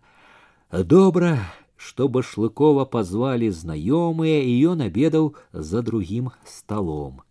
Апейка вясёлымі жартамі подвясельваў чулага прамоўцу, ды і сяброўка яе памагала. Ну, калі б і не так нешта сказала, ёсць бедаваць чаго, толькі таго і гора. Анісіі давялося яшчэ пачырванець пад самы канец вячэрняга пасяджэння, калі дакладчык выйшаў да трыбуны з заключным словам. Некаторыя таварышы, выступаўшы ў спрэчках, казаў галадзет, Пры цэлым шэрагу правільных з іх боку заўваг у сваіх прамовах дапусцілі і шэраг прынцыповых памылак. Кой-хто з выступаўшых прамоўцаў спрабаваў так паставіць пытанне, што трэба наперад адбудаваць сельскую гаспадарку, а тады будзе лепш развіваць і прамысловасць. Адна сялянка тут сказала, што калі мы пабудуем спачатку сельскую гаспадарку, то ў нас будзе і мяса і масла і гэтак далей, што мы зможам гэтыя прадукты вывозіць за межы, атрымоўваць грошы, за якія можна будаваць добрыя кватэры і гэтак далей. Такая пастаноўка пытання прынцыпова няправільная. Камуністычная партыя зусім выразна і правільна паставіла пытанне, што толькі на базе высокай тэхнікі і культуры, на базе машынізацыі сельскай гаспадаркі можна мець сапраўдны яе ўздым. Вот я знала, ціха прамовіла Аніся. Апейка паціснуў ёй руку супакою, у думках запярэчыў галадзеду. Дык хіба ж яна супраць гэтага выступала. Яна казала ж, што для таго, каб хутка расла прамысловасць, трэба, каб і сельская гаспадарка не была ў заняпадзе, добра вялася, правільна казала, таварышы, трэба мець на ўвазе, вучыў галадзет, што нават і пры жырнай сельскай гаспадарцы і пры шырока разгорнутай лёгкай прамысловасці, калі ў нас не будзе буйной машыннай індустрыі, мы рызыкуем ператварыцца ў добрую калонію індустрыяльных дзяржаў. У гэтым асноўнае пытанне. З большасці спрэчак, якія тут праходзілі по майму дакладу, заканчваў галадзет відаць, што калектывізацыя сельскай гаспадаркі БССР знаходзіцца ўжо на такой ступені, калі пры ўсіх спробах кулака дэзарганізаваць беднату і серадняка, які імкнуцца ў калектыў, мы бачым, што ўжо самі беднякі і сераднякі пачынаюць агітаваць друг друга за калектывізацыю. Мы чулі з гэтай трыбуны, што именно самі сяляне і сялянкі кажуць, што калектывізацыя гэта адзіны шлях уздыму сельскай гаспадаркі БССР. І вось именно улічваючы гэта, я і паставіў у сваім дакладзе пытанне рабром аб тым, каб да канца 1930 года удзесяцярыць колькасць калгасаў і плошчу пад імі. Гэта задача цяжкая, але мы павінны яе не толькі паставіць, але і вырашыць. Чаго б гэта нам не каштавала. Усе дні былі запоўнены пасяджэннямі. Пасяджэнні былі раніцай, былі ўвечары, на ранішнее спяшаліся ледзь развідняла, з вечэрніх прыходзілі познюю вечарам, пасля дзённых клопатаў вечарылі голасна, доўга, доўга не маглі ўгаманіцца. Апейку да позняй ночы не спалася. У потімку радкаватым ад святла з вуліцы яшчэ нібы сядзеў на сесіі, успамінаў пачутае, абдумваў, ацэньваў выступленні, меркаванні прамоўцаў. Асабліва ўважліва разбіраў ён у думках даклад аб калектывізацыі, з якім выступаў нарком земляробства рачыцкі. Чым больш у ціхім потімку ночы апейка удумваўся ва ўсё, што чуў днём у дакладзе, тым больш мацнела дваістае ўражанне ад яго. Нарком даволі стрыманна гаварыў пра поспехі і праўдзіва казаў пра цяжкасці, якія перашкаджаюць разгортваць калгасы. Нядрэнна было б мець пару тысяч трактараў да вясны, для падмацавання таго калгаснага руху, які мы маем. Аднак спадзявацца на атрыманне ў бліжэйшыя гады той колькасці трактараў і машын, якая нам патрэбна, не прыходзіцца. Рачыцкі не таіў, што вельмі мала ёсць спецыялістаў для калгасаў.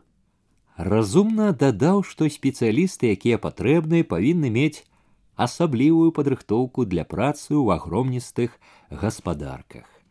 Патрэба ў спецыялістах, сказаў ён, перавышае ранейшыя планавыя разлікі самае меншае ў 10 разоў.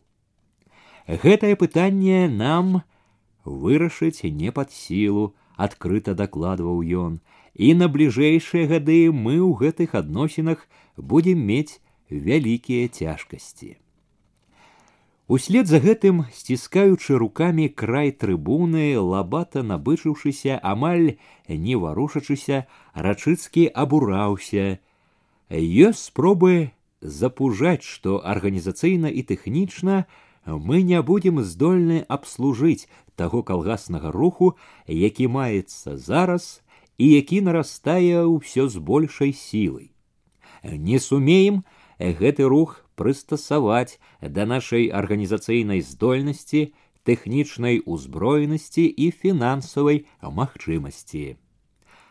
Такія настроі, по-мойму, надта шкодныя, і іх трэба з усёй рашучасцю, з усёй сілай выбіваць. Рачыцкі нібыта шчыра гаварыў: мы маем шэраг выпадкаў, калі калгасны рух пераліваецца за межы ўплыву асобных звенняў савецкага апарату і праходзіць часта без належнага арганізацыйнага кіраўніцтва савецкіх устаноў. Хто хто арачыцкі добра ведаў, што рух гэты не быў такі стыхійны і не пераліваўся сам сабою, што на арганізацыю яго даводзілася нямала траціць сілы. Рачыцкі загадзя аб'яўляў, што калгасы не атрымаюць належнай тэхнікі і што грашовая дапамога будзе недастатковая. Наша галоўнейшая задача на бліжэйшы час гаварыў ён гэта мабілізаваць усе рэсурсы, якія маюцца ў самога сялянства і цалкам накіраваць іх на сацыялістычную рэканструкцыю ў сельскай гаспадарцы. І тады ў зале і асабліва потым уночы, калі нанова перабіраў усё, тачыла апейку трывожная. І спецыялістаў для калгасаў амаль няма, і тэхнікі мала, а быццам грэх лічыцца з гэтым. Адно імкненне над усім, абы хутчэй побольш сабраць. Не весела было на душы, калі згадваў як рачыцкі, зазначыўшы, што частка калгасаў засмечана кулацка непманскім элементам, заявіў, што нібыта праз гэта калгасы ўхіляюцца ад здачы лішкаў прадуктаў і сыравіны. Не выконваюць дагавораў па кантрактацыі.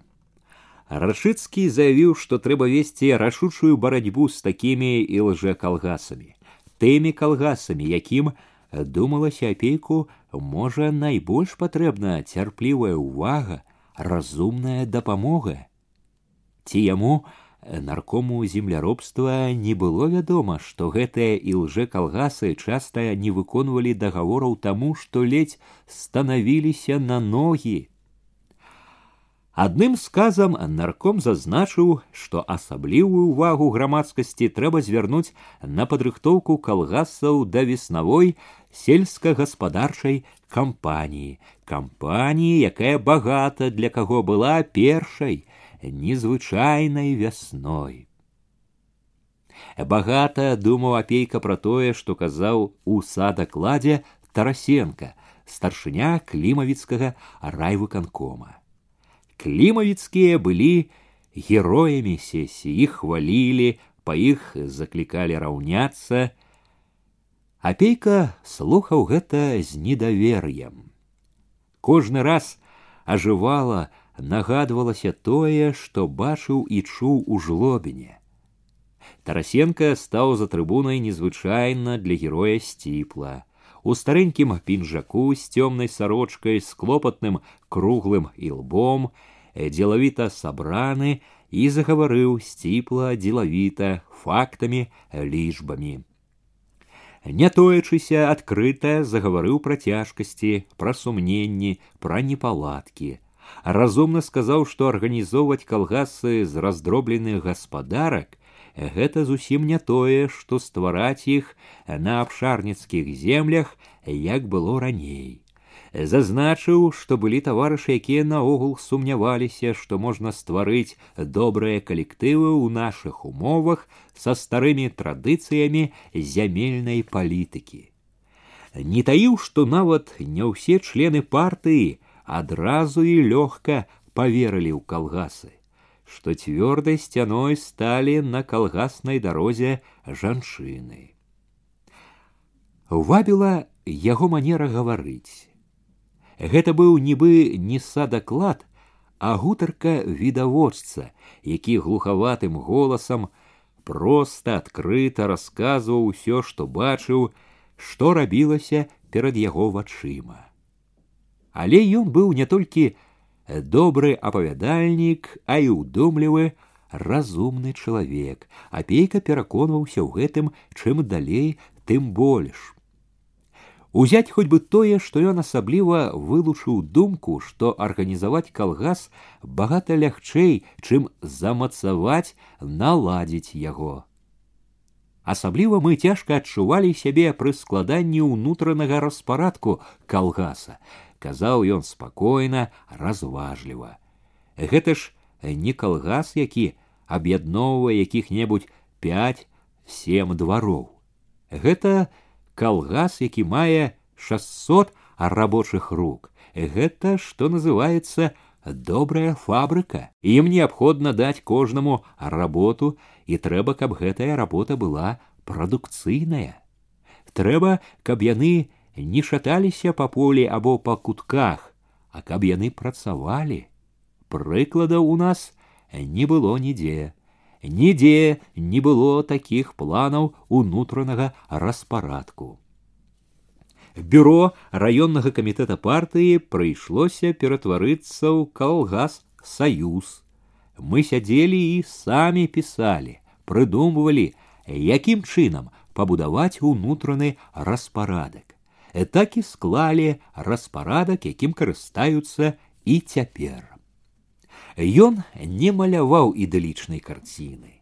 На той зямлі, пра якую расказваў ён, не было амаль тэхнікі, удалося дабіцца двух трактараў, тады як трэба іх нямала, небагата, 50. І не таіў, што людзі было такое, падавалі заявы, каб выйсці з калгаса, і што была пагроза, што калгас распадзецца.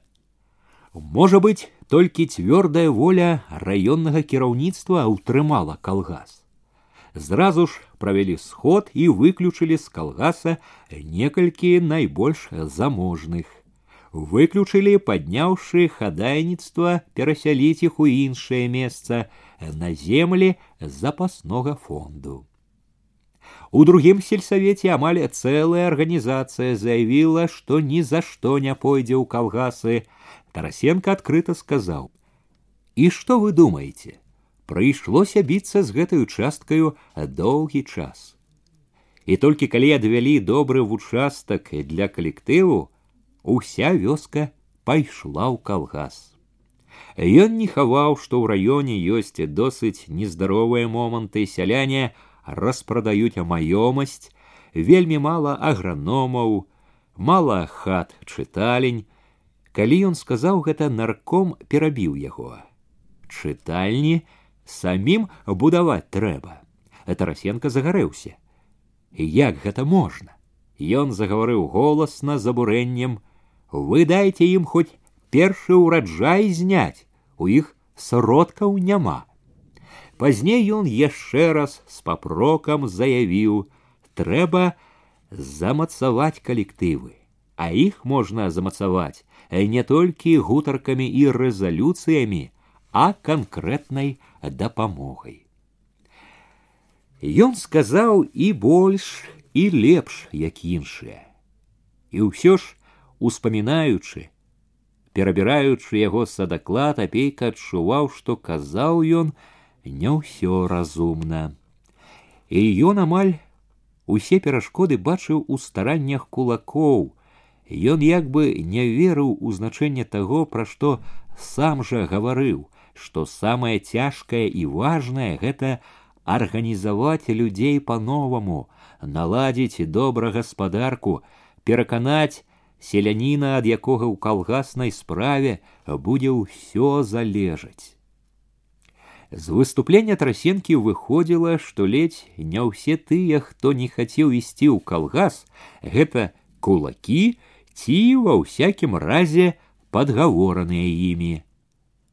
А не толькі з таго, што чуў у жлобіне, але і з выступлення бачыў апейка, што сяляне на клімаўшыне не ўсе вядома, але відаць многія былі ў калгасах не з добрай ахвоты, ад страху высялення на запасныя землі, ад страху залічэння ў кулакі ці падкулачнікі. Можна было думаць, што пераселена там на запасныя землі ўжо нямала. Не там, мабыць, не асабліва давалі часу сялянам думаць. Згадвалася, у перапынку у гаманлівым вестыбюле апейка загаварыў старасенкам пра жлобінскую сустрэчу. Тарасенко ведаў не толькі ярашчука, але і барадатага. Ярашчук, канешне, на прасткі лезе, не ўмее выбіраць сцежкі. Без падыходу чалавек, казаў трасенка дымячы люлечкай я казаў яму гэта але што зробіш чаго няма таго няма а людзей на сяло трэба ўсіх каго можна падабралі работы багата вот і яршук патрэбен без яршука не абыдзешся ды ён і не зломак разаб'ецца а зробіць А от гэты кузьма, барада гэтая згадаў трасенка, гэта тып. Усё сяло каламуціў, не кулак, а горш кулака. э, так што дзіва, што яршчуку дапякло. Мне самому дапякло. Разумна зрабіў, што з'ехаў, у час выкруціўся. Апейка і тады ў вестыбюлі і потым, успамінаючы, адчуваў, што гаворка гэта была непрыемная тарасенку. Недарма ж ледь падышлі знаёмыя, загаварыў пра іншае, падаўся з імі. Не адступала, вярэдзіла апейку цішы ночы тое, што гаварылі прамоўцы пасля трасенкі. Яго адкрытасць на трыбуне падахвоціла людзей на шчырасць. Амаль увесь час білася ў выступленнях жывое, турботнае жыццё. Адзін казаў, што ў радзе калгасаў зроблена толькі фармальнае абагульненне маёмасці і сродкаў, што сяляне не спадзяюцца ў цвёрдасць калгаснага грунту.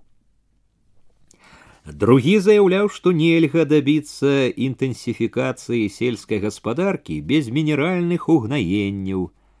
Трывожыў, што мінеральных угнаенняў калгасам будзе вельмі мала І што дырэктывы аб будаўніцтве завода мінеральных угнаенняў не выконваюцца.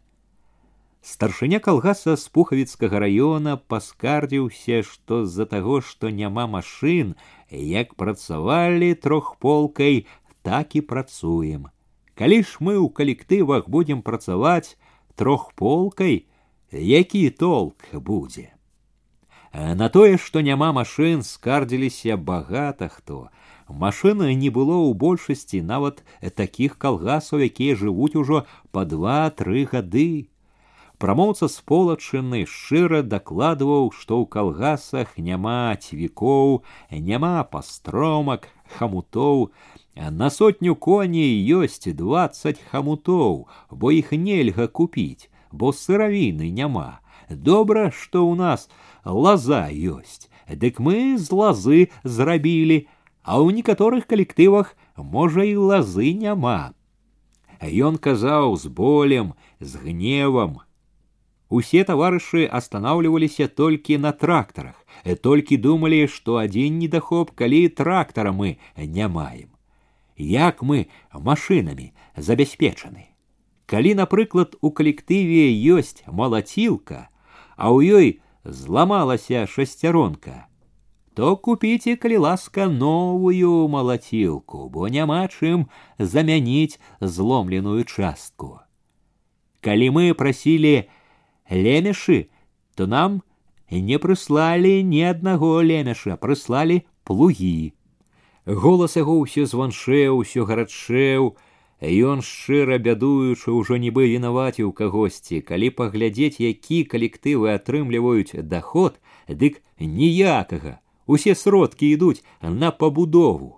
У калектыве ў нас частка ёсць босыя і голыя, крэдытаваннем яны не забяспечваюцца. Мы атрымалі на ўвесь калектыў чатыры пары падошвы. А дзе нацельная бялізна, а дзе ніткі, якімі мы павінны абшывацца.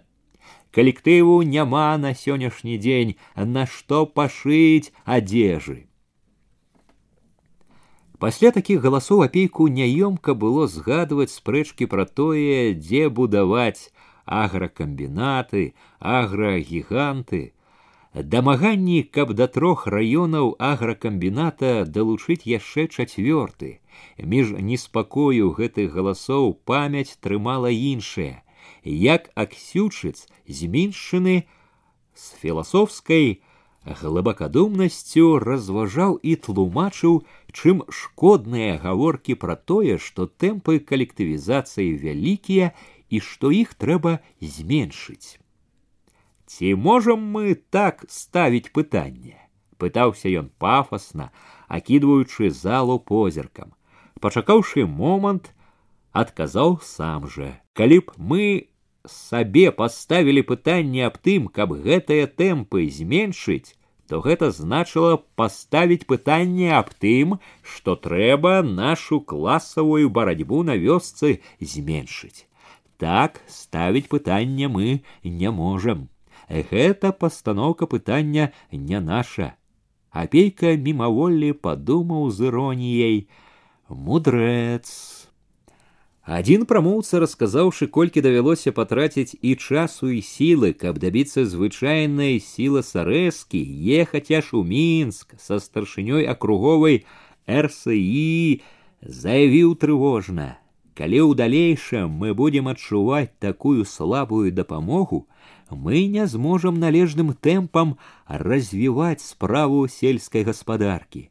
Вельмі разумна сказаў ён справа калектывізацыі на сённяшні дзень з'яўляецца яшчэ новай справай. Мне здаецца, мы павінны гэтыя самыя калгасы выхоўваць як малых дзяцей, каб яны лепш узмацняліся яшчэ большую шырэйшую трывогу пачуў апейка ў выступленні старшыні акружнога выканкома з магілёўшчыны малашонка. Нам заўсёды здавалася павольна басавіта гуў малашонак, што мы зрабіць суцэльную калектывізацыю ў клімавіцкім раёне зможам за кошт сродкаў, якія маюцца ў нашым распараджэнні. Але, мы павінны былі пераканацца ў тым, што справа калектывізацыі нават аднаго раёна явілася непасільнай для нашых акруговых устаноў. Як і даклад з супярэчлівымі пачуццямі ўспамінаў апейка заключнае слова рачыцкага адказваючы прамоўцам, што турбаваліся пра кадры, пра тэхніку для калгасаў, прызнаўшы, што пытанне аб кадрах з'яўляецца самым адказным, рачыцкі цвёрда заявіў: Існуючая сетка навучальных устаноў, нават калі яна і будзе некалькі пашырана, не зможа вырашыць тых задач, якія мы сабе ставім, і не зможа на працягу двух год папоўніць склад кадраў з ніжэйшай і сярэдняй адукацыяй і нават на працягу трох гадоў. Другое пытанне, якое заняло досыць вялікае месца ў спрэчках, казаў рачыцкі, гэта тэхнічная ўзброенасць. Гэтае пытанне таксама на працягу двух-трох год і нават у канцы пяцігодкі цалкам не будзе вырашана ў такім аб'ёме, у якім патрэбна. Ён гаварыў мерна, выразна, як чалавек, які ведае і тое, пра што гаворыць і тое, як трэба ўсё ацэньваць. Гэтае веданне адкрытасць выклікалі павагу да яго. Неспадзяваным зноў было, што тым жа тонам ён заявіў пад канец. Сёння на сесіі як быццам не было чутно аб такой пастаноўцы пытання, што калі мы не маем тэхнікі, не маем патрэбных кадраў, добрага арганізацыйнага апарату трэба нам устрымацца з калектывізацыяй. Не чутно было аб гэтым. Відаць, такі настрой пераламіўся ўжо жыццём, сапраўднасцю, якую мы маем. Тыя таварышы якія аб гэтым гаварылі ўжо ўсвядомілі што гэтае пытанне не з'яўляецца рашаючым. Апейка быў згодны. Калектывізацыю трэба разгортваць як толькі можна. Але развагі яго ўпарта тачыла сумненне. Усё ж на што было казаць так нібы ні тэхніка ні кадры ні арганізацыйны апарат нічога не значаць, нічога не рашаюць, нібы і не абавязкова лічыцца з рэальнымі магчымасцямі. Нашто такое легкадумства?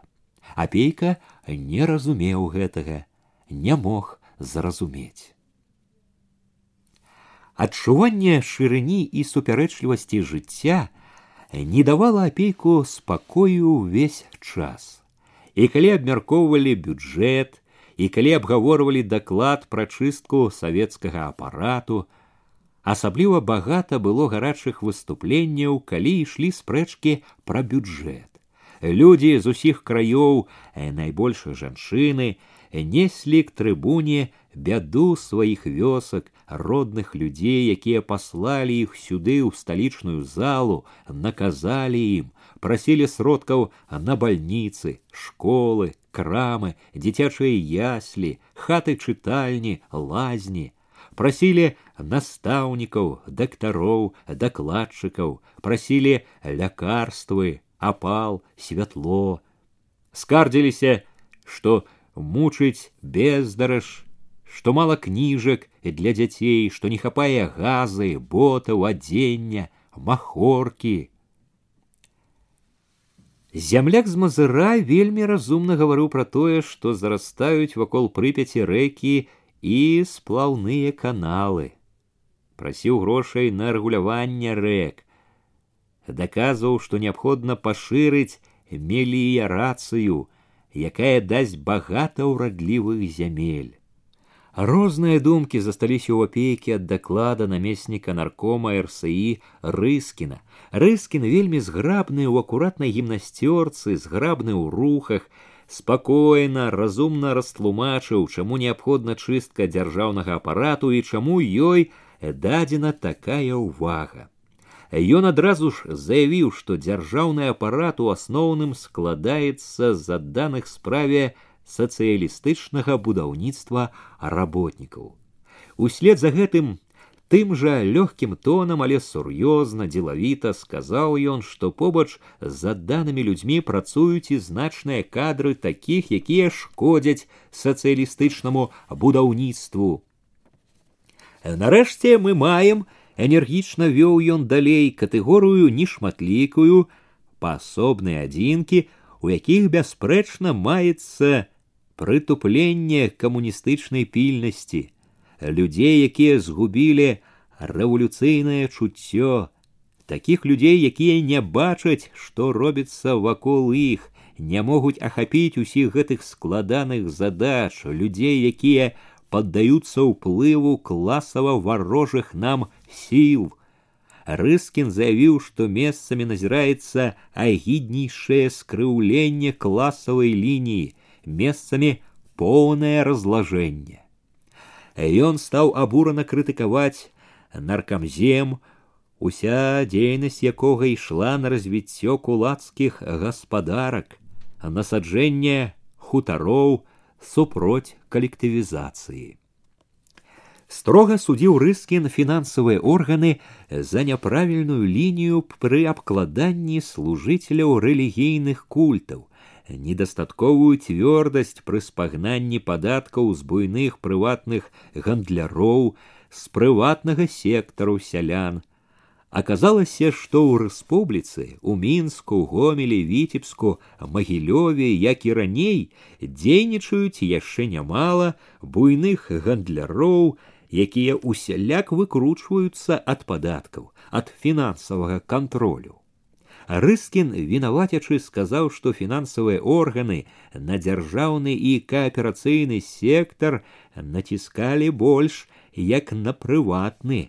Ён даводзіў гэта тым, што прыватны сектар мае большую суму нядоімкі. Рыскін вінаваціў, што выяўлена толькі каля двух процентаў кулацкіх гаспадарак, што багата выпадкаў, калі кулак залічваецца ў сераднякі. З усяго гэтага рыскін вывеў, што класавая лінія часта не вытрымліваецца. З'ява недаравальная ва ўмовах нашага сацыялістычнага наступлення на варожыя элементы. Рыскін паказаў некалькі прыкладаў таго, хто быў вычышчаны, зняты з пасад. Тут былі і бюракраты, і растратчыкі, і п'яніцы, і хабарнікі, і жулікі, Усё гэта былі людзі, якіх належала гнаць.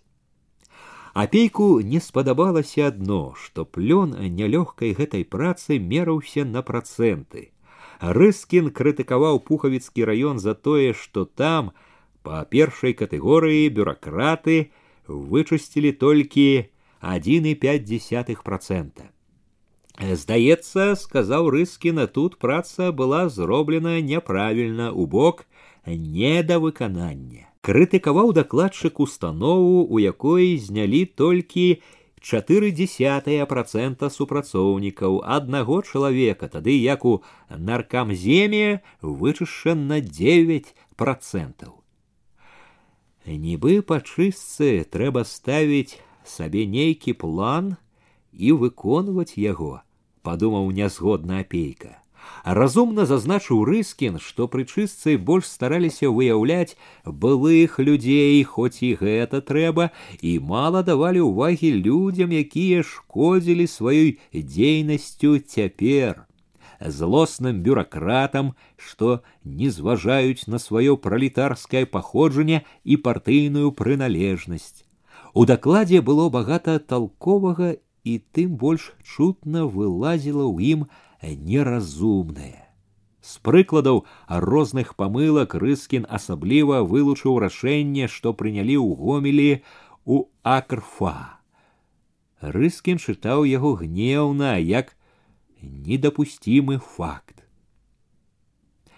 прымаючы пад увагу спецыфічныя ўмовы работы у акрфа рыскін трымаў лісток у руцэ кідаў у залу позіркі нібы запрашаў далучыцца падзяліць яго абурэнне прымаючы пад увагу спецыфічныя ўмовы і ўлічваючы магчымасць паступлення негрунтоўных матэрыялаў а таксама паклёпаў на глебе асабістых разлікаў сход заклікае камісію па чыстцы апарату аднесціся да чысткі з асаблівай асцярогаю. Хіба ж гэта ёсць лозунг для развіцця самакрытыкі з гневам казаў рыскін апусціўшы лісток гэта лозунг каб садзейнічаць камісіям па чыстцы ускрываць гэтыя недахопы гэта ёсць апартуністычны лозунг які замазвае класавую сутнасць лозунг які бясспрэчна з'яўляецца тормазам які можа звесці на нет усю працу па чыстцы савецкага апарату замест актыўнай дапамогі камісіям па чыстцы яны хочуць заблытаць не даць магчымасці ўскрыць усе недахопы свайго апарату тут апейка зноў згадаў галенчыка зноў вастрэй пачуў неспакой, які за час дакладу то адступаў, знікаў, то вяртаўся, шчымеў назольна, як цяжка часам аказваецца, падумаў стомлена зразумець звычайныя рэчы.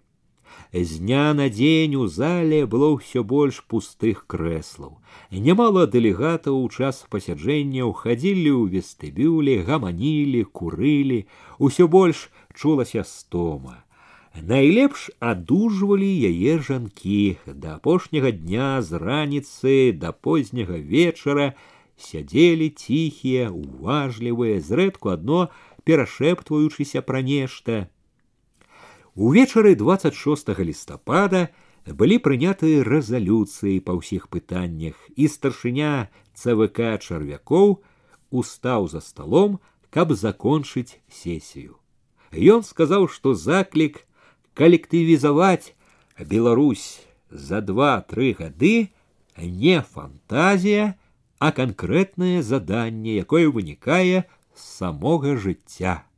Ён тут жа зазначыў, што вялікую памылкаю будзе лічыць, што калектывізацыя лёгкая справа. Справа калектывізацыі з увагай згодна слуха апейка, гэта справа перабудовы дзесяткаў і соцень тысяч сялянскіх гаспадарак. Гэта справа перавыхавання дзесяткаў і соцень тысяч і мільёнаў нашага сялянства. І таму гэта цяжкая справа. Чарвякоў попрасіў адносіцца да гэтай справы як да цяжкай і важнай вельмі сур'ёзна. Разумна перасцерагаў ён, што бюрократычна фармальнымі адносінамі можна толькі сарваць калектывізацыю трэба каб кожнае пытанне раю ён было прапрацавана каб яно было зразумелае для працоўных сялян для мужчын і жанчын трэба разумна турбаваўся ён каб калектывізацыя з першых жа дзён станавілася на моцны здаровы грунт. Перад намі можа паўстаць пытанне, загаварыў ён, помаўчаўшы момант, ці дапусціма насельственная калектывізацыя. Апейка зацікавіўся. Зразумелая рэч, што ў аснове калектывізацыя павінна праводзіцца на падставах добраахвотнага, свядомага жадання самога працоўнага сялянства. Аднак могуць быць выпадкі, калі не толькі магчыма, але і трэба падштурхнуць паасобных гаспадароў уваходзіць у калгасныя аб'яднанні. Мы не можам дапусціць, усё цвярдзеў яго голас, каб паасобныя гаспадаркі ці з прычыны несвядомасці гаспадароў ці з прычыны шкодных уплываў з боку варожых савецкай уладзе элементаў і гэтак далей і гэтак далей разбурвалі нашы імкненні перабудаваць сельскую гаспадарку на сацыялістычных падставах. Большасць можа прымусіць меншасць пакарыцца увайсці ў калектыў і падпарадкавацца калектыўнаму парадку працы і жыцця. Калі б мы ставілі пытанне інакш, то гэтым мы ставілі б усю справу пабудовы сацыялізма і на данным этапе усю справу сацыялістычнай перабудовы сельскай гаспадаркі у залежнасць ад адсталых несвядомых элементаў нашай вёскі.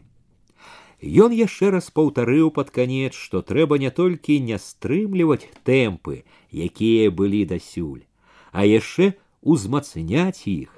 Беларусь па калектывізацыі павінна ісці ў першых радах, заявіў ён перад тым, як аб'явіць, што сесія закончыла работу. У гэты вечар, вярнуўшыся з развітальнай вячэры, Апейка стаяў трохі каля акна. Перад ім была цьмяна асветленая плошча з голымі дрэвамі. У акно біўся моцны ветер, з даху капала, Апейка чуў дзіўную стому, здалося даўно-даўно ў мінску, з радасцю думалася пра дарогу дадому. На плошчы жаўцела кругамі некалькі ліхтароў, некалькі агнёў свяцілася наводдаль у пройме між дамоў. Гледзячы на іх апейка падумаў раптам узрушана, колькі іх, агнёў не такіх, а з лучыны, з газы, з-пад саламяных стрэх, на поўнач, на поўдзень, на ўсход, і ў кожнай хаце роздум, недоверие и вера, надея и отчай. Великий, необсяжный простор, до Москвы, за Москву, за Урал, за Сибир, у роздуме, у надеи, у трывозе. У вялікім клопаце, небывалым паходзе, убачыў нібы нанова юравічы свой раён одна дробная кропелька ў акіяне кропелька але якой дарагой здалася яна і ў кроплі свой свет і свая надзея няхай трывога няхай пакута боль але наперадзе добрае добрае жыццё. Пакуты для добрага непаганыя пакуты. Усё ўрэшце прыйдзе к добраму. Гэта галоўнае. Раніцай перад ад'ездам ён зноў зайшоў да алеся, сядзеў нядоўга, не было калі. Алесь адзеўся, разам ішлі па крывых і мокрых, пачарнелых завулках, коўзаліся на слізкіх сцежках. Солнце значылася не яркае, а жаўтлява-цьмянае, затуленае мутнай смугою. Усё неба было нейкім вільготным, туманным. Алесь маўчаў, ступаў панура, усё ў яго жыцці было як і раней няясным. Жыццё ёсць жыццё, сказаў апейка. Усялякае можа быць. гэтае то высветліцца скора, я ўпэўнены. Але потым спакою не будзе. Усякага пабачыш, і бяду не адну пэўне, і радасці будзе, і бяды. Такая штука жыццё. Так от прыпыніўся, як таварышу глянуў у вочы. Што не будзе потым табе, ніколі не падай духам. Усякую справу робяць жывыя людзі. Ёсць і ў нас і разумныя, і дурні, і нягоднікі ёсць. Заўсёды былі, і ў нас ёсць, як не шкода, але ёсць народ і ёсць партыя. У іх наша сіла. З імі толькі мы чагосьці варты. Яны разбяруцца ва ўсім па праўдзе. Не сягоння, дак заўтра, а разбяруцца. Трэба верыць. І яшчэ апейку ўзяла іншая думка, задумаўся, як сказаць лепш. Трэба жыць так, с таким настроем, что мы живем у вялікі час. Цяжкі і няроўны, але вялікі час. На вакзале перад трэцім званком апейка напомніў яму: « Я табе, брат, не просто так сказаў. Помні, круто будзе, прыязджай, уладзім, ці настаўнікам, ці яшчэ кім. Пабачу, думаў алесь пра нешта сваё. Апейка, нібы перадаючы сілу, моцна сціснуў яго руку, не адразу адпусціў Ужо з акна вагона, калі поезд крануўся і алесь пачаў адплываць, штосьці пацягнула да яго, заныла ўсярэдзіне, нядобрае, неспакойнае, трывожнае. Грукалі, грукалі ўнізе колы, прыціхаючы адно на станцыях ды паўстанках. Тады грукат змянялі тупат і мітусня за вокнамі і ў праходзе. У вагон пачынала цягнуць холадам. Тупат і мітусня ўціхалі неўзабаве, і зноў перамаўляліся адно колы, і пад іх гонкую гаворку ішлі і ішлі ў памяці знаёмыя і незнаёмыя твары, нанова чуліся галасы, гоман. Быў нібы зноў у клубе імя Карла Маркса у нядаўнім жывым хваляванні.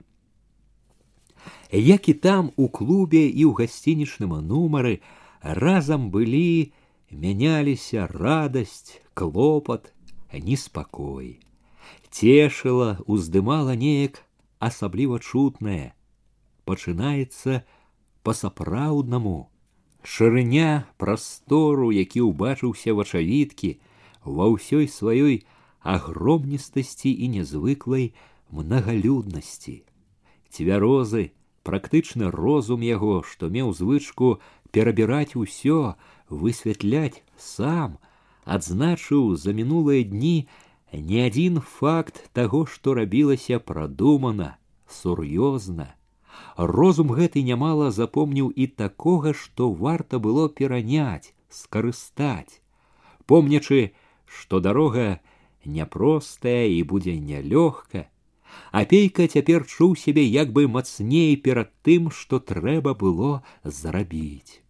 А разам з тым ён нібы больш рэальна, бліжэй чуў той свет, тую новую вёску, для якой жыў увесь час.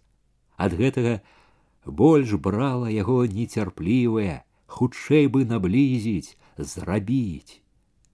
Але між усяго гэтага, чым больш перабіраў у думках чутая на сесіі, даклады, выступленні, размовы, тым больш у тое, што цешыла, унізвалася клопатнае. Не адступала адчуванне, сур'ёзная размова заменена багата ў чым святочнай. Гэта, канешне, па-свойму прыгожа, прыемна, гэта таксама падымае людзей. Але падымае па-святочнаму, не для цярплівай і цяжкай работы. Мала мабілізуе людзей на сур'ёзную упартую працу, якая так патрэбна для найвялікшага наступлення. Апейка бачыў, што к тым турботным фактам, якія пяклі трывожылі многіх прамоўцаў з акруговых цэнтраў і вёсак, мала хто па-сапраўднаму прыслухоўваўся. Над усім было адно тэмпы, хуткасць, любым спосабам хутчэй, раней за іншых. Клопат пра гэта быў такі вялікі, што не хацелі чуць трывожных разваг, лічыцца з навакольным. І што горш яшчэ, усялякую спробу агледзецца, разважыць гатовы былі ўзяць як знак няўстойлівасці, як гнілы настрой. Зноў на памяць прыходзіла тое, што было ў рэзалюцыі аб калектывізацыі лістападаўскага пленума ЦК. І ён думаў, як небагата ў параўнанні з пленумам было дзелавітасці на сесіі, асабліва ў тых, хто кіраваў ёю. Просто цяжка было зразумець, як можна было абысці так многія важныя пункты, якія былі ў рэзалюцыі. Як можна было знізіць так асноўнае, сур'ёзны аналіз становішча, задач, забыць фактычна папярэджанне пра недаацэнку цяжкасцей калгаснага руху, пра небяспеку фармальна бюракратычнага падыходу успомніў удзесяцярыць тэмпы. Эколы ўнізе, здавалася, выгруквалі таксама удзесяцярыць, удзесяцярыць і адчуў трывожна, што не ведае, як гэта ўдасца зрабіць. І не бачыў, што будзе, калі ўдасца зрабіць без аграномаў, тэхнікі, патрэбных кадраў. Трывога была шырокая ведаў цяпер, што і іншыя не лепш гатовы. Падумаў, як гэты заклік падзейнічае на башлыкова, на многіх раённых кіраўнікоў, якія і цяпер, чаго грэх таіць, нярэдка дабіваюцца працэнтаў гразьбою ды прымусам. Нанова ўспомніў, што казаў чарвякоў. Ці можна дапусціць насельственную калектывізацыю і неспакой падужэў. Як гэта можа падахвоціць некаторых тэмпы. Хіба ён не разумее, што таптацца нельга. Хіба ён не разумее, што становішча патрабуе трэба тэмпы, Але хіба ж тое трэба забываць, якая гэта няпростая, складаная справа калгасы і як важна рабіць яе сур'ёзна, добра, вялікую складаную справу і скалечыць лёгка і загубіць, і людзей зняверыць. Як жа не лічыцца э таварыш рачыцкі з тым, ці ёсць змога, каб зрабіць з такім размахам, з такім тэмпам, добра, надзейна, не похапкам, а толкам. Гэта ж да ўсяго не гадавая якая-небудзь кампанія. Чаго ж вы так лёгка гатовы перакрыць тэмпы, якія зацвердзіў ЦК партыі. Няўжо я праўда не разумею чагосьці, як мне даказвае башлыкоў. Няўжо ва мне ўсё гэта праўда, сялянская хісткасць, мужицкая жаласлівасць, правы ўхіл у прыхаванай развагамі форме. Ухіл не ўхіл, а прышыць могуць. Прышыць і зрабіць вывады. Чаго там? Могуць зрабіць, рабілі ж ужо, робяць галенчыкі. Па грозным успомнілася тое, што жорстка абвясціў у першы вечар здавалася добрай разважны чарвякоў. Жыццё бязлітасна адкіне ўсіх, хто не зможа ісці нага ў нагу. Нібы папярэджанне сабе чуў апейка. Намаганнем волі разарваў навалач думак, стаў думаць пра жонку, дзяцей, як там яны. Засумаваліся па ім, як і ён па хаце сваёй. Месяц, здаецца, не бачыўся, дадому, дадому чулася, грукалі пад вагонам колы.